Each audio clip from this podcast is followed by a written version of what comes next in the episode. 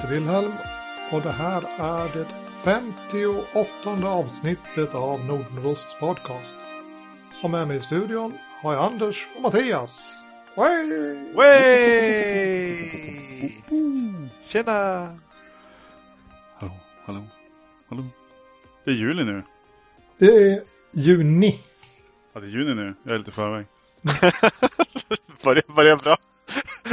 Vi som ska vara en datumpodcast och så failar det på månaden. Vi har, vi har bjudit in Anders från framtiden här för att diskutera framtidens spel. I juli så har, har världen redan gått under. Ja, Aj, aj, Jag har aj. kommit med ett budskap till junis folk. Finns det Ja. någonting vi kan göra för att förhindra det här? Du som... Ja, faktiskt.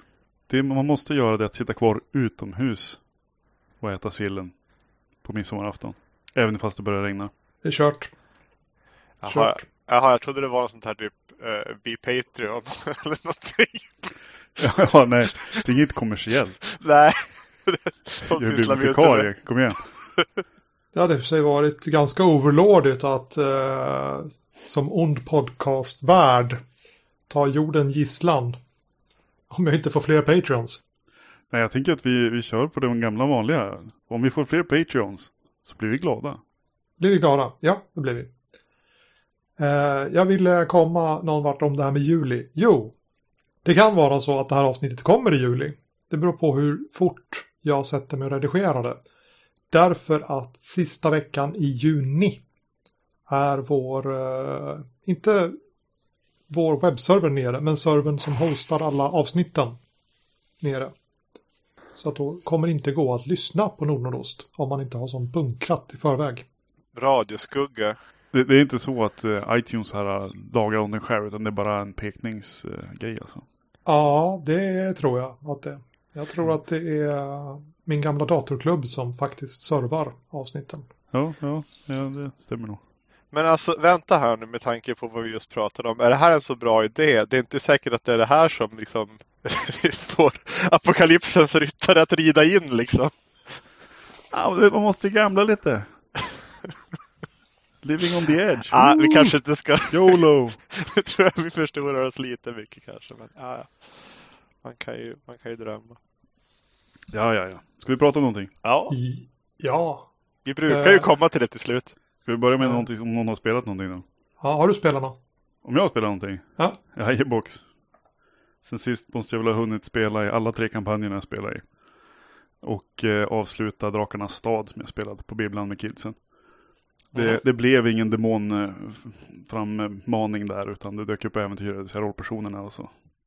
Ja, och så blev det ju stökigt då. Släpper de med den här typen som verkar vara en gammal drakpräst, eller gammal, han var ju ung faktiskt, men före detta drakpräst. Han verkar ha fått tag på förbjudna skrifter och fått för sig att han ville söka svar om stadens historia istället. Släppa med sig honom tillbaka till ett tempel. Och eh, för att liksom typ sälja honom i princip tillbaka till, till den kyrka han har smitit ifrån. Och eh, den präst som frågar dem om honom frågar då Jaså, har han, eh, har han berättat mycket? Ja, hon berättar jättemycket, säger en av rollpersonerna. Och på prästen svarar På dem! Eller ta dem, sa han kanske. För att om han, om han nu har läst en massa förbjudna böcker och berättat massa saker om det här för de här, så då vill de ju inte att det här ska finnas på gatan förstås. Och det tänkte han inte alls på. Det var jättekul. eh, och så blev det fight lite grann och prästen kom på att det här var ingen bra idé. Så i slutändan så, så eh, köpslår sig rollpersonerna ut och säger "Va, om- s- s- ge oss alla pengar du har på dig så får du prästen så går vi. Och så behöver vi inte tänka på det här mer. Och så slänger han fram typ 11 mynt för det var han hade i fickan. Och de bara, okej, tack. Hej. Men, men det- här är alltså de som spelade. Är det deras första kampanjavslut det här? Eh, ja, det bör det vara. Sista gången så, det, i slutändan så var det bara två personer som var med i alla spelmöten. I och med att det har varit lite random Aha, sådär, okej. vilka som har kommit. Eh, och det var ett, ett av barnen och min, min kollega. så då. Eh, och så har jag för mig att jag tidigare har nämnt att ett, ett av barnen hade med sig sin far vid ett tillfälle. Och han var med också. Okej. eh, den sista gången. Så vi var bara tre spelare och spelledare sista gången. Eh, lite sådär. Men jag vet att det var folk som hade varit ute och rest och, och det liksom slutat terminen och lite sånt där. Så att... Hur landade det då? Alltså skit i farsan och kollegan, men hur, verkade barnet tycka det var? Ja, han verkar tycka det var jätteskojigt. Vi ska ha ett bibliotekskollo där man kommer att spela rollspel sista dagen så att han anmält sig enkomt för att spela rollspel igen. Jag tänker, Sådär. det känns som att det, kän, det känns inte så här att du har extremt stort ansvar för att det här liksom är den första rollspelsupplevelsen. Att det är liksom första gången går ju inte att göra om. Nej, nej jag, jag, jag har ju spelat mycket med nybörjare. Uh, och i någon mån så tänker inte jag ta ansvar ifall, ifall deras medspelare är sucky at the table, jag på att säga. Det här låter jättehårt. Men, men eh, jag, för mig, jag minns inte om jag har pratat om det eller inte, men när jag har spelat med de här, vi var ganska många första gången till exempel och andra gången. Har det varit ett problem att, att hjälpa till att etablera någon sorts gemensam syn på, att, på vart vi är och i vilket tidsflöde saker och ting händer. För det är många som är liksom i, på sitt eget ställe och vill göra en grej bara för att göra en grej och se att det händer någonting ungefär. Mm. Men att det händer på samma ställe samtidigt har varit lite lurigare. Så jag har varit hårdare och hårdare med att skruva åt det här med, med okej, okay, det kommer ta en stund. Uh, medan du gör det, vad gör du medans och så vidare. Mm. Den, den sortens grej. Och vara mer tydlig med vad det innebär, eh, vart, vart, saker är och vad det innebär om man går och ska göra en annan sak. Då går du härifrån en stund för att göra den grejen. Ja, det där är ju klurigt. Jag, jag är ju inne på det där snart, nämligen själv. För att jag börjar ju värma upp för att introducera barnen. Valle fick Handbok för superhjältar rollspelet nu när han fyllde sju. Så jag tänkte Mhm. han skulle få prova det tillsammans med Karla som är nio. Och det blir nog i veckan här och jag, jag kände ju lite grann att aj, aj, det här Jag hoppas det går bra. Ja, det lilla jag har hört av att spela med, med då får jag väl ändå säga mindre barn helt enkelt. Ja, det kan vi nog kalla dem. helt enkelt. Ja. Ehm, Så, så är det att eh, i någon mån så får man bara följa med på vad de gör. eh, Lite grann. Och ju mindre de är desto mer måste det vara på deras villkor förstås. Eh, Och sen, sen allt eftersom. Och sen är det olika för alla barn förstås också. Hur funkar det för dem? Tar de till sig det här? Ibland klickar, klickar det väldigt tydligt för en del verkar det som. Ja, alltså jag har ju försökt värma upp lite grann men faktiskt lyssna på, på Smygpodden. Gustav Rutgård spelar med sina barn där. Och det är ju det är en av de få poddar som jag känner att ja, men det här AP-poddar då, som jag känner att ja, men det här är ju oj, det här är ju intressant. Och då är det framförallt den yngsta deltagaren. Hon, eh, hon samberättar ju rätt rejält. Så här, ni, ni hör ett mystiskt ljud inifrån biblioteket. Mm, mm, mm. Ja, jag går in och där hittar jag en fastbunden så här, bara direkt. Bara, ja, Ja, ja, ja, jo, det är klart, men eller när de skulle söka någonstans, då så här, jag går åt det här hållet och sen så håller de på med någonting annat och sen så tycker hon det går lite långsamt och så säger hon Nu hör jag en röst som säger Det blir varmare, det blir varmare, det blir varmare. Ja, uppenbarligen så, så finns det någon sorts spirituell eh, vägledning där. Ja, men det är An- andlig fantastiskt. Ja. Alltså det, det finns ju många trädspelare som man får liksom typ jobba med och bearbeta under flera år för att få den typen av input från. Så att det kanske bara inte ska ta ur dem att de har massa idéer om vad, vars handlingen ska ta vägen. Liksom. Ja, skoj. Ja. Eh, En annan som har varit med och spelat i alla fall och dog och lånade eh, Hjältarnas tid. Okej. Så, att, Mm. så att jag räknar med att hon kommer att spelleda sina kompisar nu i sommar på något vis. Ja, men det är nice.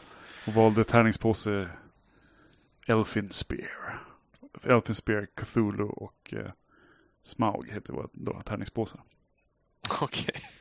För det är, en, Va? det är, en, det är ett spjut med albrunor och Alltså, Cthulhu och en drake på dem. Vad har hänt med bibblan? Den är ju lite häftigare än jag minns den måste jag säga. ja, jag tycker det. Ja, Vi är, ju, vi är ju lite grann post den här eh, eran när bibblan erbjuder dataspel. För att bibblan hänger inte med. lite sådär. Eller många gör inte det. En del, en del håller faktiskt på och kör, kör med dataspel och konsolspel faktiskt. Eh, men i, i Nynäshamn där jag jobbar så har vi skippat det. okej. Ja, men det är nice. Ja, vi, av de här tre andra kampanjerna jag spelar i så har vi också avslutat Burning Wheel. Det blev vad, fem, sex spelmöten eller något sånt där. Och i sista spelmötet så, så, så gick en av rollpersonerna och blev halshuggen för att han blev dömd för någonting. Han, att han hade dräpt sin farbror i nödvärn egentligen. I ett fylleslagsmål med svärd på sin egen krog. Det var sorgligt. Eh, men en bra kontrast till att till exempel jag och min rollperson vigdes med eh, sin älskade Oriabell som ja, rymde från klostret för att vara med honom istället. Eh, trots att det kommer att orsaka problem med hennes fina familj. Som säkert kommer skicka folk efter dem. Aj, aj, aj. Och den som vigde dem var ju förstås eh, munken Silas. Som eh, eh, blev lite grann någon sån här Martin Luther-figur och spekade upp sina teser, spekade upp, spikade upp sina teser på eh, det stora templets dörr. Och det här är inte bara det stora templet i staden utan staden är ju dessutom religionens huvudstad liksom. Mhm. Så att eh, det ser ut att bli en, en rörelse som, som växer på lite större skala. Vilket blir skojigt sen då för det ser ut som att det blir fort, en fortsättningskampanj i samma setting. Men där vi kommer från ett helt annat ställe och reser till staden istället. Okej. Så blir det mer en en roadtrip med Balkan-mongoler eller något sånt där. Det låter rätt nice. Ja, Jag tror det kommer bli riktigt nice. Det låter ganska annorlunda mot Drakarnas stad-kampanjen också. Mhm. Mhm. Definitivt. Hade du spelat en till också eller? Det var ju Warhammer som vanligt och, eh, och Mouse Guard. Jag tänker inte gå in mer på det just nu. Nej. Så det är så.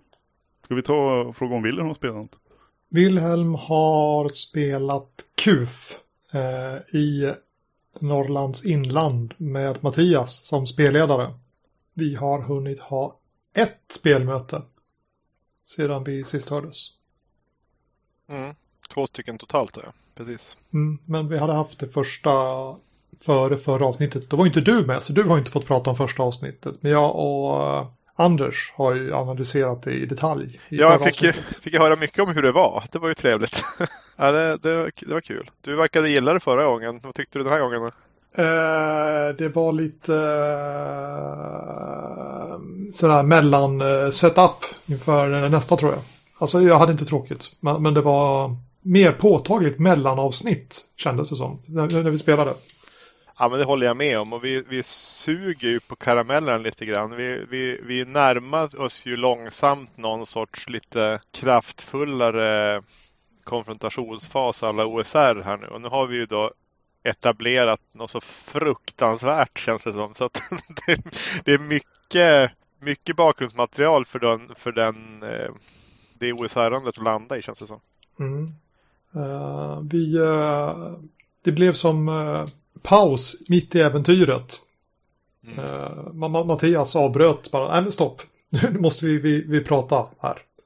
Så att vi gick runt och, velade och hade oss och som väntade liksom på någonting. Men det finns ingenting att vänta på för att det är vi som, det är ju en sandbox-kampanj, det är vi som måste göra någonting. Eller om vi inte vill göra någonting får vi säga, "Ja, vi gör ingenting, vi väntar och ser vad som händer och sen så får slumptabellerna liksom dra igång och börja kasta händelser på oss. Mm.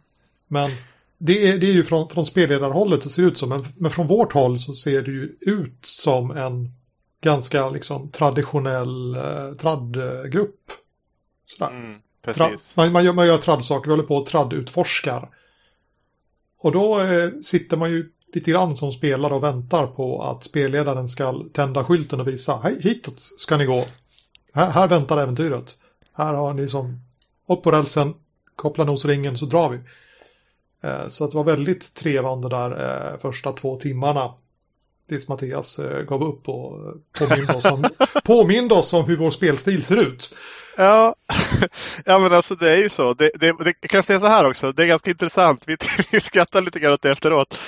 Vi hade ju ett ganska långt och fint eh, spelmöte eh, första gången. Eh, och sen så delades ut erfarenhetspoäng. Eh, har du någon aning? Kan, du gissa bara, häfta Anders, hur mycket erfarenhetspoäng fick, fick de efter första spelmötet på typ fyra timmar? Oj, um, vad tusan Ma- ma- ligger? Level 1 level ett är på 1000 XP kan du få som 1000 riktlinje. Ja. alltså. Jaha. Eh, 150. Ah, close, de fick 10. Alltså inte, inte, inte, En- va, va, inte var, utan en av oss en, fick tio. spelledare, en spelare fick 10 poäng. Jaha, okej.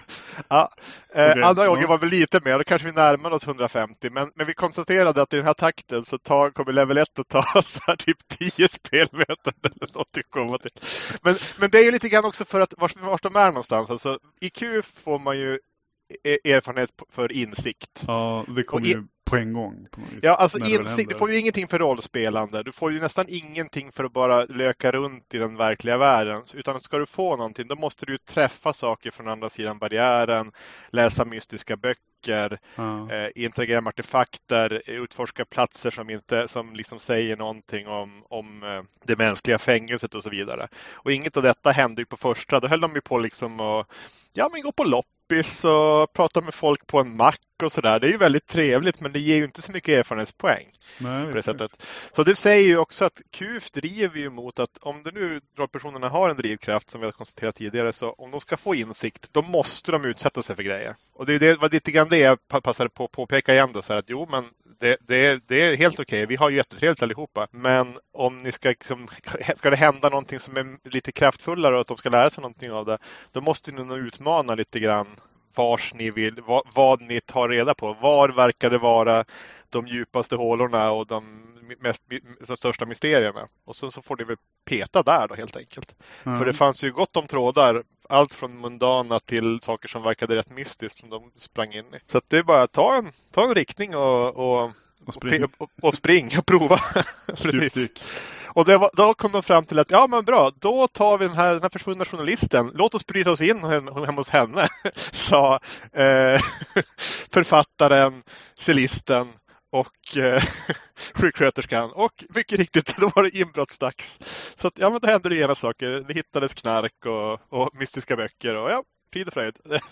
Ja. Så att, ja, det, var, det var väldigt roligt. Så före och efter i Table Talkers. Men jag tror, jag tror faktiskt det var rätt, rätt bra. Vi hade kunnat köra vidare rätt länge. Men, men det var lite grann det här också att våga inse att det inte finns en handling att, att leta efter att den inte kommer att träffa en. Sen är det ju, det är ju inte en sandlåda, det är ju faktiskt en, en fisktank. Så som Willem säger, sätter de sig inne eh, i, i sin stuga och väntar så kommer det ju hända saker. Eh, men, men de kan ju också påverka händelserna liksom aktivt själva. ja, men visst. Mm. Ja, det låter som att det var en eh, väldigt, väldigt bra att ta det där snacket. Och jag tänker just QF är ju också så att eh, det finns mycket marginal för att, för att liksom nöta ner sin rollperson ordentligt. Man behöver inte, i, som i många OSR-spel, bara, du har, det är inte bara dina fyra hitpoints och sen är det kört. Utan det finns ju grader i helvetet här. Jo, de, de fick ju en... Nu vart det ju så att de gick in i den där, vi, vi tolkade det som en konfrontationsfas då när de, när de eh, gjorde inbrottet egentligen. Och efter det så körde vi faktiskt en återhämtningsfas nu där de lyckades få ihop tre faser innan, innan nu Malströmmen kommer att rycka, dem, rycka tag i dem i början på nästa spelmöte. Och då kommer det ju hända någonting aktivt. Eh, Eftersom att reglerna säger att det ska göra det. Eh, så det blir spännande. Men vi konstaterade också att det, de försökte ju rekrytera henchar och få svar och sådana saker och det gick ju inte så superbra. De missade med alla slagen. Men om de dessutom hade varit skadade så hade ju nästan all tiden gått till att försöka läka de där skadorna. Så jag tror Ja, den där malströmmen är nog ganska giftig när den väl kommer igång. Ja, visst. visst. Då, då har man nog kamp mot klockan. Då får man väga de där, de där handlingarna på, på silvervåg. Liksom för att, eh, Ja, det är, det är spännande. Det, vi, ut, vi utforskar ju även hur, hur spelformen ser ut egentligen. Så att det blir som nya upptäckter där varje spelmöte. Mm. Ja, det är kul. Det är ju fördelen med att inte speltesta innan man börjar sälja spelen. Ja, precis! Man, man får precis som köparna utforska spelet i samma takt som köparna. Det är Ja, det- helt otroligt. Det är ett jäkligt märkligt spel jag har skrivit alltså, men det är ju fascinerande roligt. Eh, Men, eh, alltså ja, vi, vi drog ut ganska långt på det här stickspåret. Men eh, läxan från det är ju att vi eh, spelade, vi upptäckte, eller vi kände att det, inte var, att det var någonting som inte riktigt rimmade. Att, det, att det, det skavde lite grann. Och vi faktiskt sa paus, nu spelar vi inte, nu ska vi diskutera det här. Och så diskuterade vi det och sen så sa vi okej, och nu kör vi igång igen och så spelade vi vidare. Och vi upplevde redan där och då en, en förändring av inställningen till spelet och vad som hände liksom. Och ge lite spelartips då. Det är att vi brukar ju säga det här, prata efter spelpasset om vad det var som hände. Men här tog vi till med snacket under spelpasset. Och det gav utveckling, utväxling. Jag tror vi tjänade ett spelpass på det. Mm, jag tror att vi, ja, absolut. Annars hade vi fått, annars hade vi fått den kicken i början på nästa förhoppningsvis. Mm. Men nu fick vi som eh, en chans att, att, att känna. Jag tror det lämnade en ganska god eftersmak också. Att, eh, att det vart så. Jag frågade faktiskt efteråt vad de tyckte var mest intressant och minst intressant. Och då var det en av spelarna som nämnde just den här räden på slutet där. Då, så att det, var, det var ju bra. Den hade nog inte uppkommit om inte utan tabletalket. Så att fortsätt följa. Vi har varit igång i, uh, ska se vad säger klockan här? 20 minuter, ja det börjar bli dags att hoppa in i någon sorts ämne. Rekordtidigt. Det är rekordtidigt, det tror jag säkert att det är. Ja, I alla fall på de avsnitten där vi har uh, så här... Uh... Snackat spel först. Ja, jo. Jag frågade på rollspel.nu ifall det var någon som var intresserad av att vi skulle prata om något speciellt. Och vi fick tre fantastiska förslag. FF.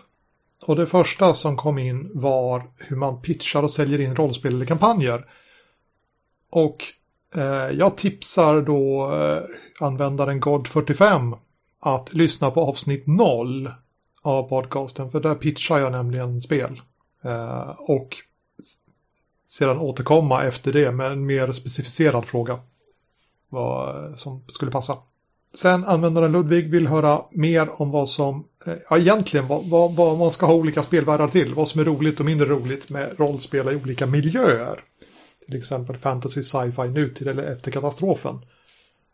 Och jag läste där och jag som brottas med det i mitt huvud. Jag har inte några lätta svar så här på rak arm. Jag behöver minst en månad till att tänka på det där innan jag vågar dra upp det på podden. Eh, och sen har vi användaren Kerulian 5 som vill höra oss prata om tabeller. Och det har vi ju redan gjort. I förra avsnittet så pratades det massor om tabeller. När Mattias precis hade upptäckt eh, hur man spelar OSR, då pratade vi massor med tabeller. Eh, vi har då bestämt oss för att vi ska återvända till detta ämne och prata mer tabeller. Mer tabeller. Så, så är man inte peppad på tabeller så kan man ju då spola fram och lyssna på outro-låten. I detta, detta nu. För nu blir det tabeller. För nu ska det pratas tabeller. Igen. Oj, oj, oj vad tabeller det ska bli. Och det är inget random encounter utan det är väldigt avsiktligt att vi ska prata tabeller nu. Nu ska vi prata tabeller. Alltså jag bad folk för ungefär tio avsnitt, avsnitt sedan att komma med så här eh, tangenttabellsförslag. Alltså saker som ska in på tangenttabellen.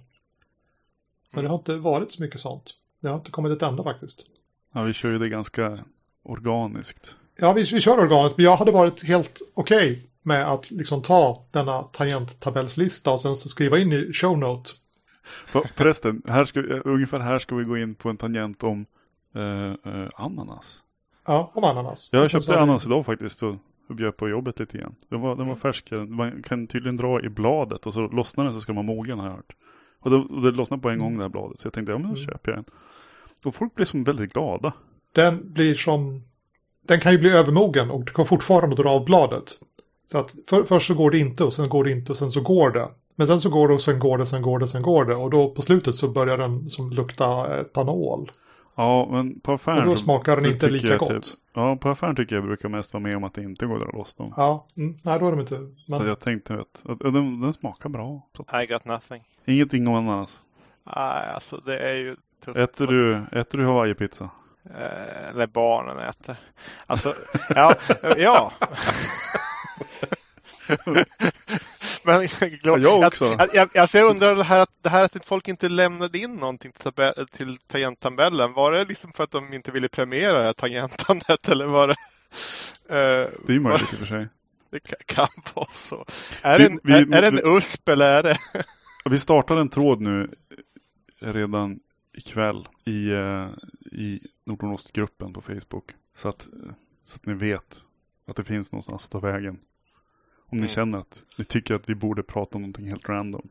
Ja, men, men alltså, om man bara vill höra snubbar prata fokuserat om ett ämne inom rollspel så kan man lyssna på Fummelpodden. Det sa vi väl förra det, det är ju tangent... Ja, jag sa det förra gången för att det är så det är. Det är ja. som ta tangenterna som är vår USP. Ja, just just. Ja, just det. Banterpodd, ja. Mm, mm. ja. ja. men de, de, har ju typ 30 minuter fokuserat om ett ämne. Mm. Det har ju vi också, men man måste som jobb, jobba lite för det. Göra sig förtjänt av att tror vi har mer än 30 minuter om ett ämne, men man måste som gräva lite. Okej, nu, men... nu har det snart gått eh, 10 minuter till av att inte ja, komma in på grejen. Så nu går vi tillbaka från, eh, från tangenterna till tabellerna. Ska vi börja med att släppa in Mattias? För han är ju eld och lågor över tabellerna. Han oj, skriver Norrlands inland. tabeller, tabeller, tabeller. Alltså, jag kan ju börja med en av de roligaste tabellerna som, eh, som jag har. Slumpmötestabellen som jag faktiskt har i princip knyckt från Anders från ett tidigare avsnitt. Ja. Uh, ja, alltså det var någon, du, du hade något ett resonemang där om, eh, om en saterad tabell. Uh, det vill säga att om, om, man fick samma resultat flera gånger så, så var det som en, en handling som eskalerade. Ja, precis. precis. Ja, och det lät ju som en fantastisk idé. Jag förstod den inte när du sa den på podden, men sen så efterlyssnade jag en gång och det bara oj, jättemyntet trillar ner liksom. Eh, så jag har gjort någonting. Jag vet inte om det, det, är inspirerat av det. Jag tror inte det är samma sak, men, men det, det, jag började liksom tänka lite grann på hur kommer det, ska det funka? Så nu har jag gjort så att när faktionerna jag har en, har en tabell för att se vilken faktion som agerar varje gång som en faktion ska liksom göra någonting så att det händer någonting i världen. Och det är ju liksom med, med jämna mellanrum som den här inträffar där jag slår på den. Och om en faktion då gör någonting, då slår jag för, för dels vad den gör för någonting och mot vilken annan faktion. Inte bara spelarna utan kan vara mot en annan faktion. Och så har jag, en, har jag då en, en tabell som säger eh, vad de gör mot den faktionen. Eh, och dessutom så tar de över ett entry på slumpmötestabellen. Så det blir sannolikare att den faktionen som är aktiv faktiskt påträffas i spel. Och då Oh, träng, coolt. tränger den ut den faktionen som den gjorde någonting aggressivt mot. Huh. Det är väl skumt? Så det är en som dynamisk tabell som ändras under spelets gång. Ja, exakt. Ja, ja, coolt. Eh, Det går alltid att möta alla, alla faktioner för det finns ett sånt här allmänt slå bara slå en slumpmässig faktionsentry också. Liksom. Och så finns det en för minifaktioner också, sådana som inte är tillräckligt stora för att de faktiskt agerar utan de är mera små, små eh, aktörer i, i settingen. Då. Eh, inte, de gör inga power moves. Men eh, Ja, det är spännande. Jag har, inte, jag har ju sett, sett saker och ting hända på tabellen och det är väl vissa saker som, som man märker. Det är väldigt mycket raggarbilar som kör hela tiden. det, eh, det är väl en av effekterna av detta. Men, eh, Men, men, men det, det det fick ju eh, påverkan i spelet eftersom då sjuksköterskan håller på att försöka dejta en av raggarna. ja, ja, och raggarna jobbar, jobbar på hårt. Så de, de, de, då, det blir, då blir det ju att de tar ganska stor del av, av av rampljuset åtminstone just nu. Sen kan det ju hända att någon gör någonting eh, taskigt mot raggarna och då tränger de ju bort dem. Då blir det ju liksom mer av den andra faktionen antagligen då, på bekostnad av raggarna. Så att, ja, jag tror det kan funka ganska bra. Det, det, det, låter inte, det är inte hälften så komplicerat som det låter. När man väl ser tabellen och jag vet hur jag skriver i blyerts på den så, så är den faktiskt inte så komplex, komplex som man tror. Så att, ja, ja, lite skoj.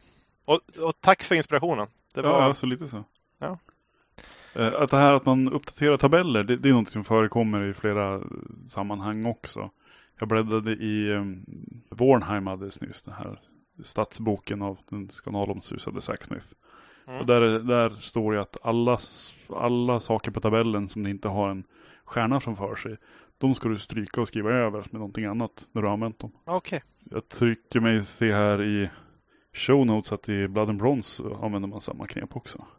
Mm, fast jag har inte något minne av att det fanns några stjärnor där utan det var nog allt som var i tabellen. Ja, men var, var föremål för att bli ersatt när man hade använt det. Och det är ju smidigt för då kan man börja med en ganska liten tabell. Har man en T4 så är det fortfarande en tabell. Och så kan man hitta på saker löpande i takt med att man eh, kör.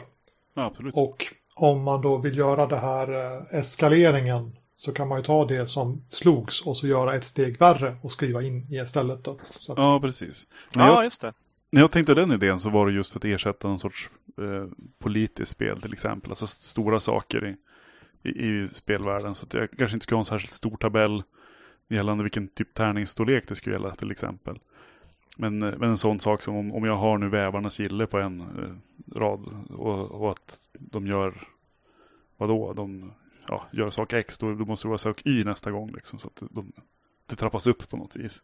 Ja, men det, det går ju att ha till exempel den onda kulten och, och dess, eh, dess frambesvärjande av sin mästare är ju en typisk sak som man inte kanske vill ska hända direkt utan att det ska Ja, eskalera upp. Då. Så Ja, det, det, det går ju alldeles utmärkt att göra på det där. Ja men det är ju ett jättebra exempel. Från, från att eh, de, de kidnappar eh, okända människor till att, till att eh, man börjar hitta spår av deras ritualer till att Ja, Och så vidare. Ja, Det man- var, så, det var så jag började lite grann i min tankegång. Men sen så blev, ledde det in i någonting kladdigare och kanske sämre. Men, men, eh, det, men nu, nu är det liksom, nu är det någonting distinkt annorlunda den där, hur den där funktionen funkar. Men jag tror det är samma effekt av att liksom få, få en eskalering i kampanjen. Mm.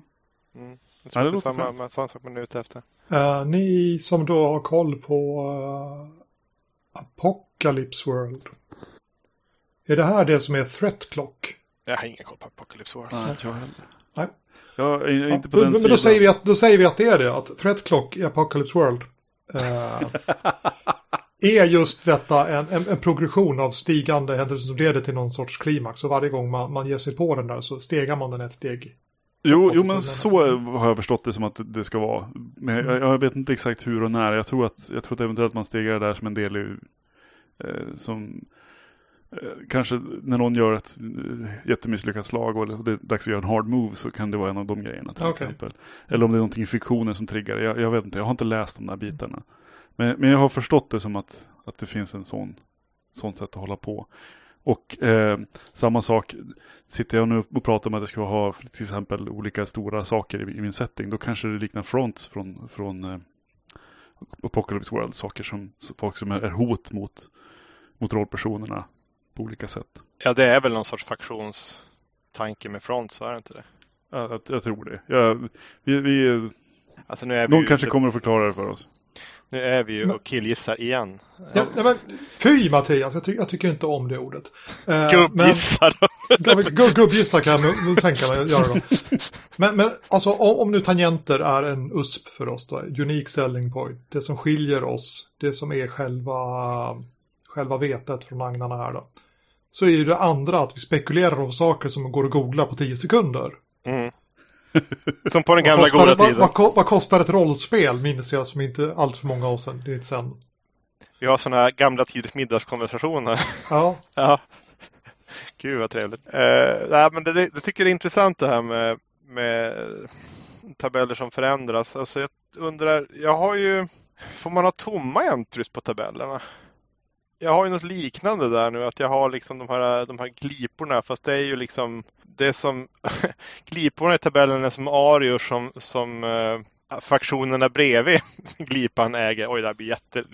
Ja, ni får se när modulen kommer ut helt enkelt hur det här ser ut. För det låter ju helt sinnessjukt. Men, men jag tänker på, men har- man har tom... Jag är, jag är lite... Jag är faktiskt lite allergisk mot den här original eh, OSR-grejen med att du först rullar en tärning för att se om du får ett slumpmöte och sen rullar för slumpmötet. Då tycker jag egentligen att man kan slå ihop de två tabellerna. Om det nu är 1 till 4 på, att det inte, på en T6 på att det inte blir något slumpmöte.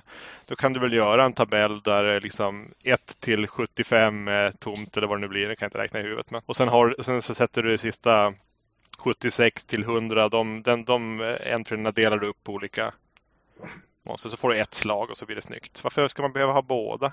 det är samma tänk som Pendragons-lagen där, att man inte ska slå för både anfall och parera för att det var bös. Jag, vet inte, jag tycker det är jobbigt med flera tärningar och så här. Jag, jag fattar inte riktigt det här med... Det, det, det, det är ju frågan om man ska ha... Den andra varianten är ju också det här med om, hur man ska, om man ska vikta tabellen eller inte. Nu har jag, kör jag ju... Eh, alltså jag har ett entry per... per jag har ju en, bara en... Alltså det är raka T10-tabeller alltihopa. Med 10, 10 entries på. Men då, som sagt då, så kan det vara så att flera entries är samma faktion eh, på grund av det här, det här som händer. Då. Så att de, är ju, de är ju viktade i, i sig egentligen. Då. Men hur... det- blir ju som lite lustigt. Jag såg en del av de här eh, äventyrsgeneratortabellerna och sådana saker. Där är det ju ganska lämpligt att det inte är viktade tabeller. För att du ska få väldigt spretiga resultat. Ja, för många kombinationer. För att Ja. det, annars blir det risken att det, återanvändningsvärdet är ganska lågt helt plötsligt. Jag har sett eh, folk prata om det där och säga att det finns ingen poäng att göra någon sorts äventyrsgeneratortabell med mindre än liksom eh, alltså bara, ha bara en T20 pl- gånger en T20 höll jag på att säga. Eh, Slå en T20 på den här, slå en T20 på den här, slå en T20 på den här. Det, det blir ganska likt ganska fort liksom. Du kommer inte få väldigt distinkta saker ur dem eh, förutom ett par kombinationer och sen så grytar ihop sig. Det ska vara ganska stora listor för att det ska vara riktigt användbart i sådana fall. Så att, Ja, men eh, där är det rimligt tycker jag att, det- att det ser ut så. Men till exempel om man tar, tar Warnhem igen då så finns det ju den här I Loot the Body-tabellen. ja, där är, Body. Ja, jag, jag kollade på den Body. precis. Precis. Precis, där, innan här också. och visst är det så att den är, det, det är ju en fantastiskt färgglad tabell lite längre ner i, i resultaten. Men det, men det absolut vanligaste resultatet är ju att du får ett antal Och det är mycket, peng, peng, pengar. Va? Ja, hur mycket pengar man har på sig. Det, det, det är en ganska stor chunk av den tabellen faktiskt. just det. Um, ska se, dyker det upp här eller inte? Dyker det upp? Nej. Ja, jag för mig att det är typ upp till 57. Det, I början är det typ hitta, hitta någon flaska med någonting, hitta någon bok slag. Och sen är det hur många guldmynt de har på sig ganska fort. Ja, Eller silvermynt eller ja, skitsamma. Hur många mynt de har på sig i alla fall. Jag hade, använt, jag hade faktiskt användning att rulla på den när jag spelade Drakar stad på, på Grotteröj. Och då blev det just ett myntantal. Typ 25. Okej. Ja, nice. Nej, men det är ju för att man vill ha någon sorts alltså normalfall som där, där så att de här färgglada grejerna sticker ut. Annars blir det ju någon sorts automatisk weird. Det, bara, ja, det är tre kroppar här och de har jättekonstiga grejer på sig allihopa liksom. Ja. Eh, Du- Det, det, kan man, det är en helt annan flavor men, men eh, om man inte vill ha den flavorn då, då är det ju, kan ju viktningen vara ett sätt att göra så att ja, men två kroppar kommer innehålla mynt sannolikt men den tredje kanske innehåller någonting färgglatt. Ja. Du, till din tabell här med, med tomma, tomma eh, entries då. Mm. Skulle du känna att det var riskabelt att stoppa in färggrejer där? Typ, typ det sitter en stor kråka i trädet där borta. Nej, jag gjorde faktiskt så i Orienes. Eh, där finns det ett antal, framförallt det, Orienes är lite viktat, spoiler spoiler. Orienes är lite viktat så att det blir mer action längre in man kommer. Eh, så att i början så, du slår ju varje timme enligt eh, Enligt instruktionerna i. Ja, nej, enligt instruktionerna faktiskt i äventyr. Eh, och då, då är det så att du, du, slår, du får alltid ett resultat. Men eh, flera av dem är liksom ljud och ljus. Det är inte Mm. nödvändigtvis en counter med någonting. Så det är ju egentligen det du säger. Det är flavor-grejer. Ja, och sen så blir det längre in då är det, då är det typ action varje timme. På något sätt. Jaha, just. För det är ju en sån sak att man kan ha olika tabeller för olika områden. Är det så du har gjort? Eller, eller vill, Jo. du, vill du del, delge den informationen? Ja men det, det är så. Det, det, är ju, det är ju fyra eh, distinkta områden redan. Ja, ja. Och det är lite liknande i Norrlands inland. Jag har lite grann, jag har lite i bygden och obygden har lite olika tabeller. Och så har jag lite olika tabeller om det är dag eller natt.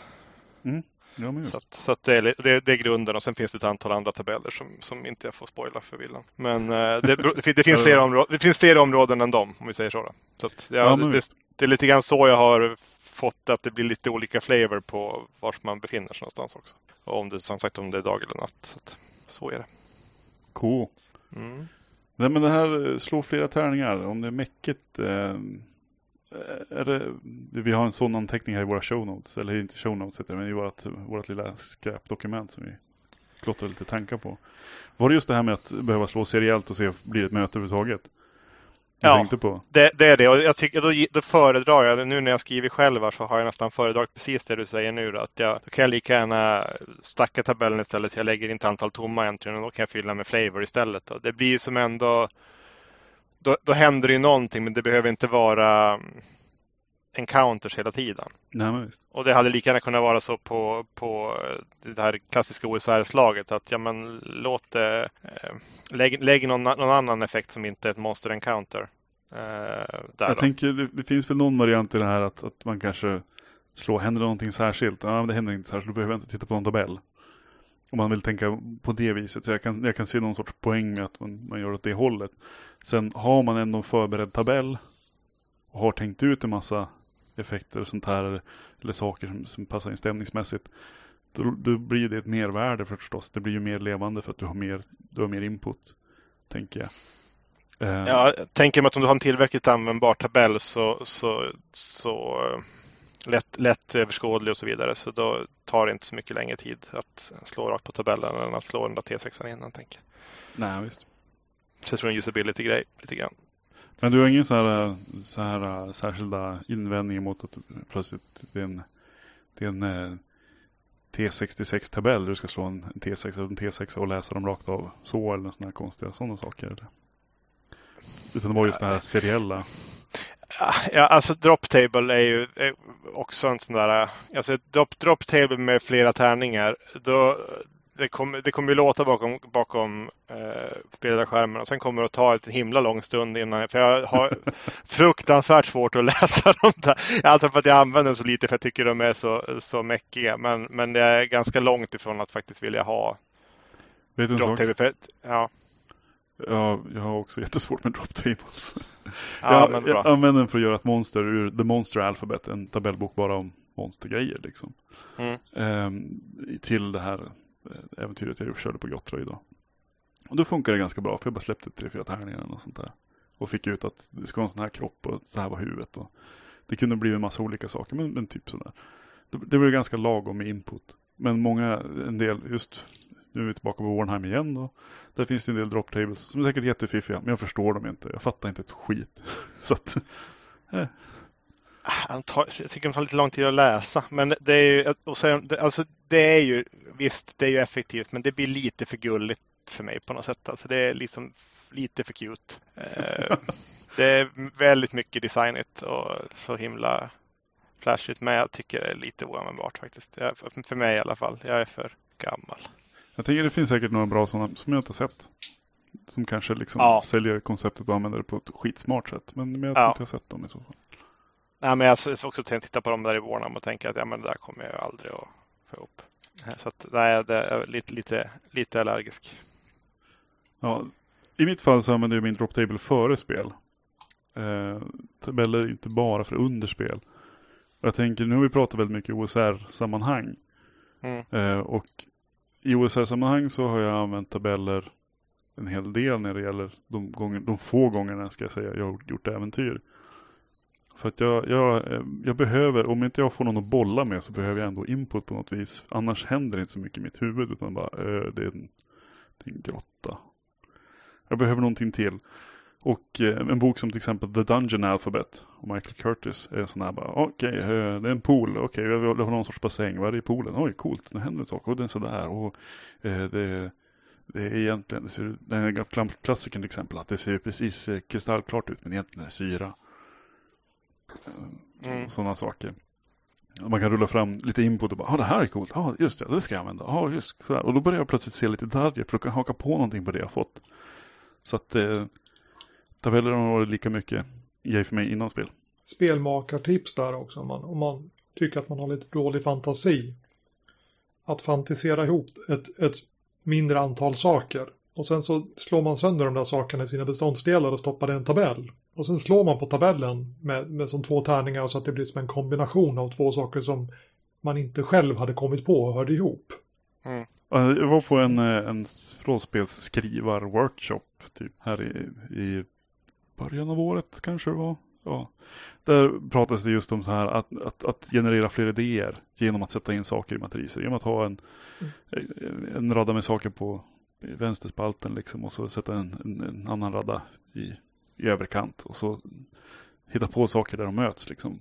Vad blir det för någonting? Mm. Och det är just den modellen jag har använt när jag har skrivit Orakel till In a Wicked Age. Eh, jag, spelade ju, jag har spelat jättemycket Archipelago med a Wicked Age or- Orakel eller den, sti, den stilen liksom. Och skrivit några egna. Och ett orakel i det här sammanhanget är ju liksom en slumptabell med 52 eh, resultat på. För att man drar fyra kort eller fem kort ur en kortlek. Det vill säga man kan inte slå samma sak. Och eh, de första kanske 15-20 sådana här brukar kunna vara ganska lätta. Men ungefär där så börjar det kännas trögt redan. Mm. Och då behöver jag verkligen det här, eh, något sätt att jobba med den där. Då jag, när jag har gjort det då har jag haft teman som jag vill ha med. På ena sidan så har jag haft eh, platser, personer, föremål, händelser Mm. ungefär i den andra. Så att jag får med lite av varje. Och i regel så passar det bäst att ha många personer till exempel när man gör ett orakel. Vi kan lägga in en länk till, till något inlägg där jag har postat orakel om någon vill kika på sånt där. Men, men, men den här matrisen, den är som inte själva tillbehöret utan det är den du använder för att ta fram tillbehöret. Ja, precis. Den är jag använt för Du, att ta får, fram du, du får som en fråga, ja du, du vill ha en romantisk eh, föremål. Okej, ja men vad kan det vara då? Ja men det kanske är en kärleksdryck då. Och så in med kärleksdryck i din orakeltabell. Ja, precis så. Precis så. Eh, för då, då, kan man, då får man som du säger, det, det uppstår lite nya kopplingar. Man bara, ja ah, just det, men det här är ju en sån grej, eller det här är en sån grej. Så det, jag tycker det har varit jättebra eh, verktyg för mig. Mm. Ja, men det, det, det, där, det är liksom att hitta rätt källa. Det, jag tycker till exempel Dungeon Alphabet låter ju säkert som, också såna, som en jättebra idé när det gäller just Dungeons. Eh, problemet är, har lite grann nu i KUF, det är ju att, att eh, på grund av KUF och kombinationen med Norrlands inland så är det ju extremt lite OSR-prylar som faktiskt fungerar. Visst, det är ju en hel del bortom barriären-grejer som, som kan dra åt det hållet så att man faktiskt kan använda rena OSR källor. Då. Men det är, jag får sitta och göra väldigt mycket tabeller själv. Men det intressanta är att jag försöker ändå göra tabeller. Jag tycker det här slå isär var en väldigt bra beskrivning av det. Eh, en, ett exempel på det är ju, ganska trivialt exempel var, jag hittade en jättebra källa för ett, en, en viss varelsetyp, eh, en, en eh, folkloristisk bok. Så plockade jag tio namn på sådana varelser från den och så slog jag isär dem så jag tog, tog ut förleden och efterleden på dem. Och helt plötsligt har jag hundra namn. Ja, eh, när, jag, när, jag gör, när jag gör två tabeller av det. Eh, och man kan ju tänka likadant på samma sätt när man, om till exempel kommer man på ja, men, kidnappad av rövare. Då kan man ju slå isär kidnappad av och rövare och lägga dem på två olika tabeller och sen börja liksom få ett oändligt antal exempel då på att man helt enkelt har actors på andra tabellen då och liksom actions, actions på första då. Kidnappad av borgmästaren och bara vänta ett tag, det här är någonting helt annat nu. Ja men exakt, exakt. Eh, eller precis, eller, eller eh, vad ska man säga, eh, uppraggad av rövare. Eh, jag är inte inne på raggare här. Jag vet inte. ja, det är bra. Ja, men alltså det blir liksom, eh, det, det är ett ganska enkelt sätt att tänka på. Det är, jag ser det som en lathetsgrej. Jag menar, kan generera tio stycken äventyrsidéer eller tio stycken, tio stycken namn eller vad det är för någonting. Men som du säger, efter det börjar det som tryta. Men om man då kan göra det på rätt sätt så kanske man kan få ut eh, mångdubbelt ja, av absolut. det om man, om, man, om man splittrar upp det i flera tabeller. Så det kan ju vara ett litet tips. Ja, plocka saker ur, ur annat överhuvudtaget är ju en grej helt enkelt. På, på Norrbannog, min eh, saga-blogg, så gjorde jag en del eh, egentligen listor, men en del av dem funkar som tabeller. Jag pratade om, eh, om häx, häxan i skogen-tabellen för två avsnitt sedan. Och det är en av de här 20 saker-tabellerna. Eh, 20 saker du kan möta i Highstone-skogen. Men eh, sen liksom 20 saker du kan stöta på i en illuminerad bok. 20 saker från Perilous Forest är en annan jag gjort. Perilous Forest är en bok till eh, King Arthur Pendragon-rollspelet. Som jag egentligen tyckte var rätt tråkig själv. Eh, för att den är inte skriven på ett sätt som jag har lätt att, så jag har lätt att använda den. Men det fanns, det fanns jävligt coola grejer i den liksom. Så att plocka då ut bara 20 stycken grejer som jag tycker är coola, då har jag ju, då har jag ganska kondenserat cool på något vis där. Säg, ett, ja, säg någonting, säg en siffra. 1 och 20. 12. 12, 12. Eller vad de var kullen, en bosättning med helt vanliga människor, om än hedniska. Eh, de är glada och välnärda och lagar fantastisk mat. De skrattar bara åt att folk, annat folk i trakten kallar dem för älvor. Men det där är en sån sak som du skulle kunna, nu får du 20 entries på det där, men du kan ju bryta det där upp det där ännu mer om du skulle vilja Absolut. ha. Du kan ju göra hur många tabeller som helst av de där grejerna. Ja, visst. Det beror lite grann på hur mycket man vill, eh, vill få ut det. Men jag hittade en liknande grej, just det här med folkloristiska. Den där boken var ju helt fantastisk. Så där, där var det ju också, det här um, väsendet var liksom siktat lite här och var och hade extremt vida beskrivningar också. Eh, folk hade ju sett väldigt olika saker. Men det blir ju perfekta entries på en tabell. Ja, just, just. När man väl ska slå fram individer av den, den sorten, då, då, kan man ju bara lägga in alla, alla, alla möjliga varianter på det. Det fanns till och med så att det var, det fanns till och med lite hjälpsam viktning på, vars, på de här i, i källan. Så jag kunde använda samma viktning. Så det, så det blir väl någorlunda representativt för Norrlands inland. Det här. Ja, men just, men just. Eh, så det, det var en väldigt bra källa. Men det var ju bara att sitta och skriva det här. Det, det är ju otroligt, otroligt, enkelt. Och sen så har jag ju då eh, annat tips eh, för att spara lite tid eh, och på Willems inrådan också när jag började fundera på hur det här ska gå till i spel egentligen. För att det, som Willem har sagt så blir det väldigt mycket rullande ibland. Eh, när det är till exempel individer och sådana saker så det blir som en avvägning mellan att, att förgenerera lite grann genom att slå på tabellerna så man har individer att plocka fram när nästa kommer. Liksom. Och så får jag plocka dem i den ordningen. Jag pajar ju lite grann för mig själv eftersom då vet jag att första gången de träffar på en sån här så kommer det bli den här. Så jag kan ju börja råka hinta om det i förhand och sådana saker. Såna här hemska tradd tendenser Ja, ja. som, Ja, som jag vill- försöker undvika. Men, men vill, vill du undvika det så gör du en jättelätt grej. Eh, det är att du skriver ut dem på separata papper och så, och så blandar du papperna. ja, det kan jag göra. Så då, då, då löser du den saken. Liksom. Gud vad smart du är. Ja, men det ska jag göra. Ja, alltså det. den typen av grej har jag nog mest funderat på i samband med spel där jag skulle vilja, vilja liksom slumpa saker i, när det gäller rollpersonsskapande. I eh, Trojka så slår man ju på en tabell och ser vilken bakgrund man får. Liksom. Det är ju egentligen samma sak som i typ eh, första utgången av Warhammer så, så får du också slå vilket startyrke du har. Mm. Men viktat av vilken, vilken stat som är bäst ungefär. Eh, eller vad du duger till liksom. Mm. Eh, till Drakarnas stad då så, så fick jag förslaget. Men gör, gör dem som kort istället så man, så man kan dra dem enkelt. Till exempel. Det. Så det finns lite sån, sån tanke i bakhuvudet. Överhuvudtaget förresten så ska jag vilja stanna kvar och se om vi kan skaka fram något mer tabellsnack som har, inte har med tabeller i spel att göra utan tabell före spel. Rollpersonsgenerering. Mm. Visst slår man fram sin bakgrund i KUF? Ja, Ja, och framförallt man slår ju även i sitt yrke, vilket visar sig vara ett av de mest kraftfulla eh, grejerna eftersom att du får ju fördel på allting som yrket kan göra. Det säga slå två tärningar. Så att det är ju den, och, och har man spelat KUF eller, eller Knap eller någon av de där så förstår man ju att alltså, man, slår man inte slag med fördel då kommer man i princip inte att lyckas. Det är typ Lite- 25, 25 procent eller någonting sånt i många fall på, på att lyckas, om ens det. Eh, om, man inte, om man inte har fördel. Så att det vill man ju ha. Ja men precis.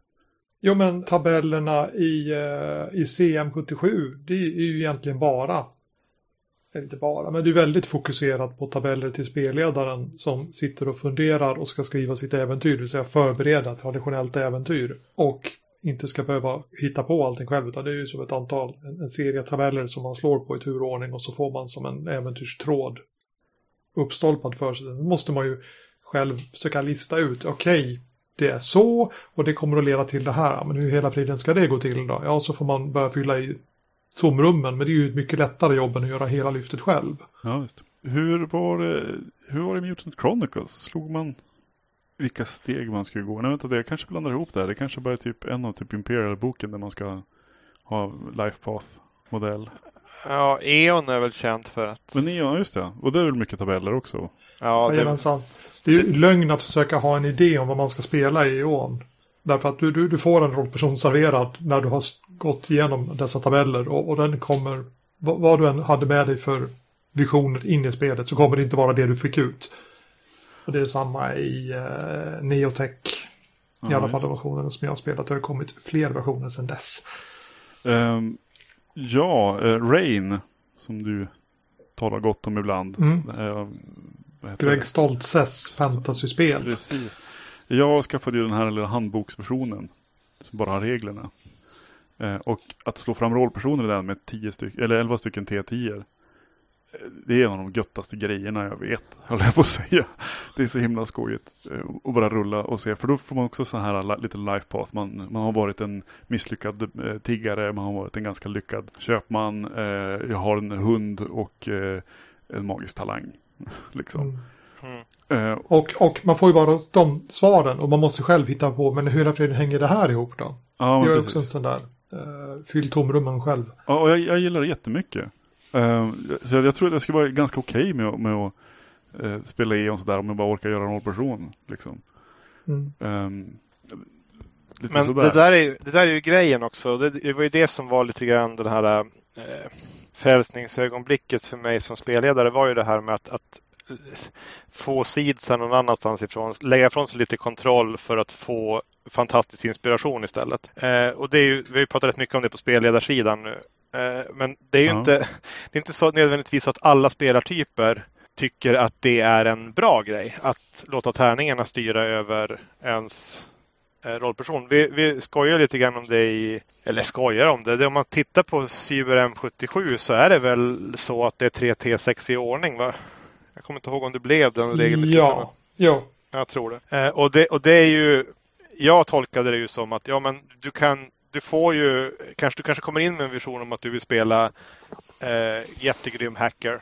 Eh, och sen så får du stats som eh, är fullständigt värdelösa på att hacka. Eh, och det, CM är ju väldigt oförlåtande på det för det har vi ju ändrat så att, jag säger vi eftersom jag var involverad i, i färdighetssystemet. Där.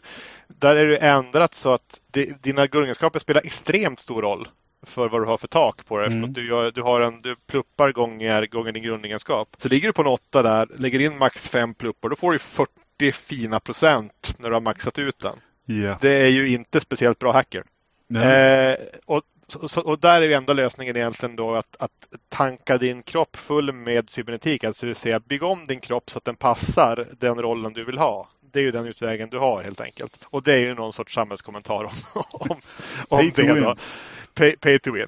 Eh, ja, men framförallt att, att kanske den här självförverkligande den tagen till, pay till sin extrem. som vi, vi, kan prata ja. om i, i musiksammanhang ja. ibland. Precis, du, du, du kan ersätta talang med, eh, alltså du kan bygga talang helt enkelt. Men, men det, det, där är inte lika möjligt i alla system. Så jag tänker mig att eh, kommer man till bordet med en vision om vad man vill spela för någonting. Så anledningen till exempel till varför vi spelade så mycket eh, Dungeons Dragons 3.5 där ett tag, det var ju för att vi tyckte att det systemet klarade av väldigt bra att modellera, att man kom till bordet med en vision och så kunde man med viss multiclassing och så vidare bygga den karaktären i princip redan från början och inte ha den på, på level 10. Särskilt om vi, man husregler som vi gjorde att vi startade på två levlar så man kan, man kan liksom ta en multiklass-kombination redan från början och få mm. ganska nära din apförsäljare eller vad du vill ha för någonting. eh, hur man nu modellerar den. Men, men, eh, Bra det, det, referens. Ja, exakt. Men, men, annars så, så har du en slump, mer slumpmässig variant på det där. Då kan det bli väldigt svårt att komma till det. Då får du istället inspirationen från att jaha, det blir det här jag skulle spela. Eller hur det, det, blir den här kombinationen. Hur får jag ihop det till en rollperson till exempel? Då? Mm. Och få fylla i, fylla i det. Så det är två helt olika övningar och antagligen två olika typer av spelare. Absolut. Spel. Alltså, alltså hela DND och pusselbiten är, det är, en, det är en egen typ av enjoyment, eller jag säga. Det finns ju definitivt folk som har snöat in mycket på det där och tycker att det är det göttaste, helt enkelt. En tredje variant skulle jag ju säga är de här när man spelar de mer friformiga spelen och i princip ja, men som arkipelag och, eh, och sånt där. Där man kan komma in och säga i princip allting om sin rollperson.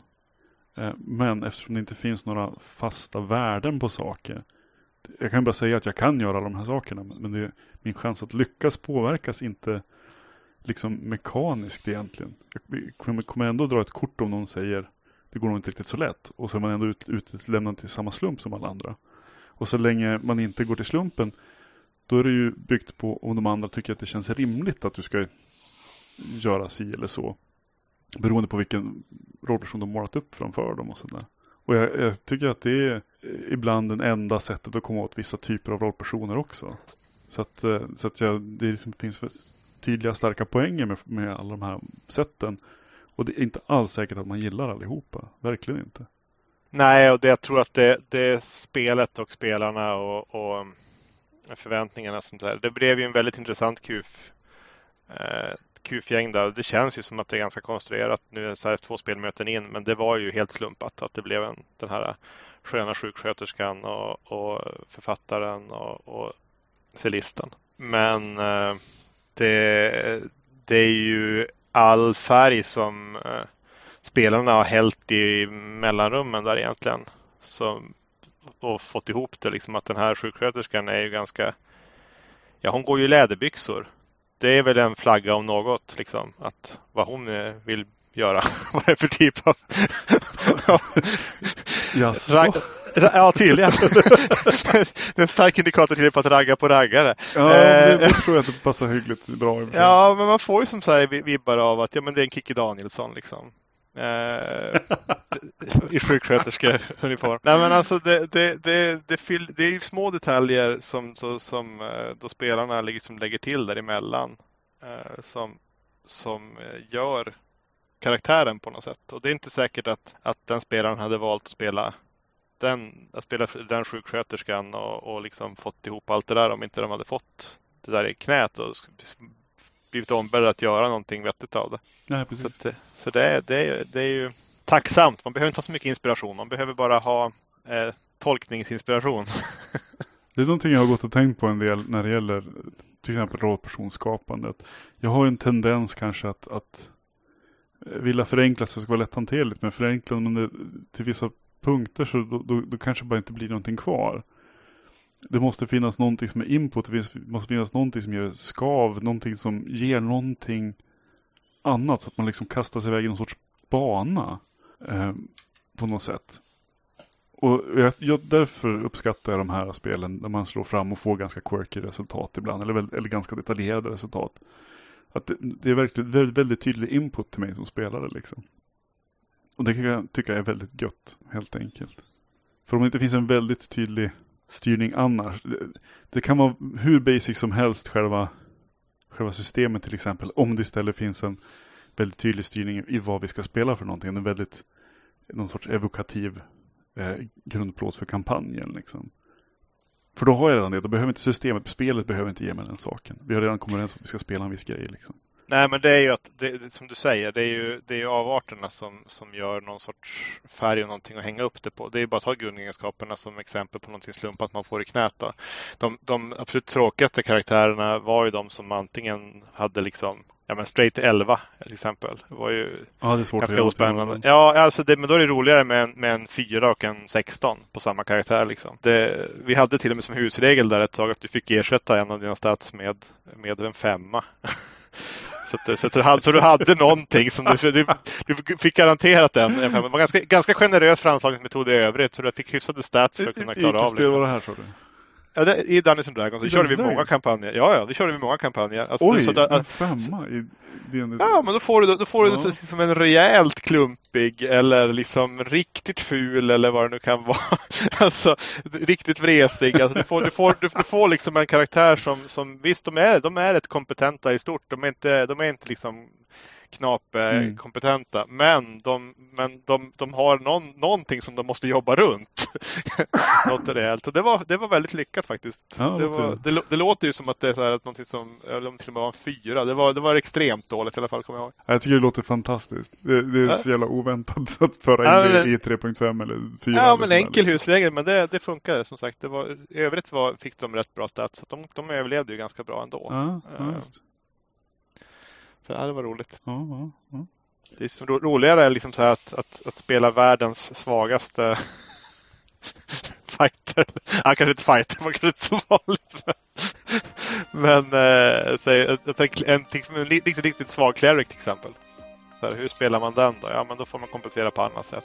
Kanske, kanske en cleric med avståndsvapen till exempel. Eller där, någon, någonting som gör karaktären genast liksom lite mera blir ju lite, lite niche protection hållet där också. Att alla, ja. alla är dåligt på något som har anledning att äventyra tillsammans. För att man är fucking helt useless på att skjuta saker. Exakt. Exakt.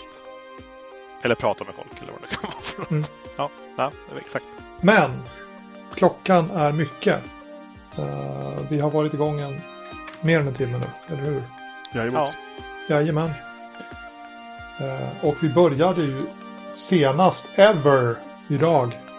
Eftersom vi då insåg att det var eh, now or never ifall vi ska ha något hopp om att få ut det här innan eh, servern svänger. Ja, jag hoppas att vi hinner så att, så att ni kan rädda världen. Ja. Det hade varit skönt Ja, och, och om, om det inte blir så så kanske ingen någonsin hör det här.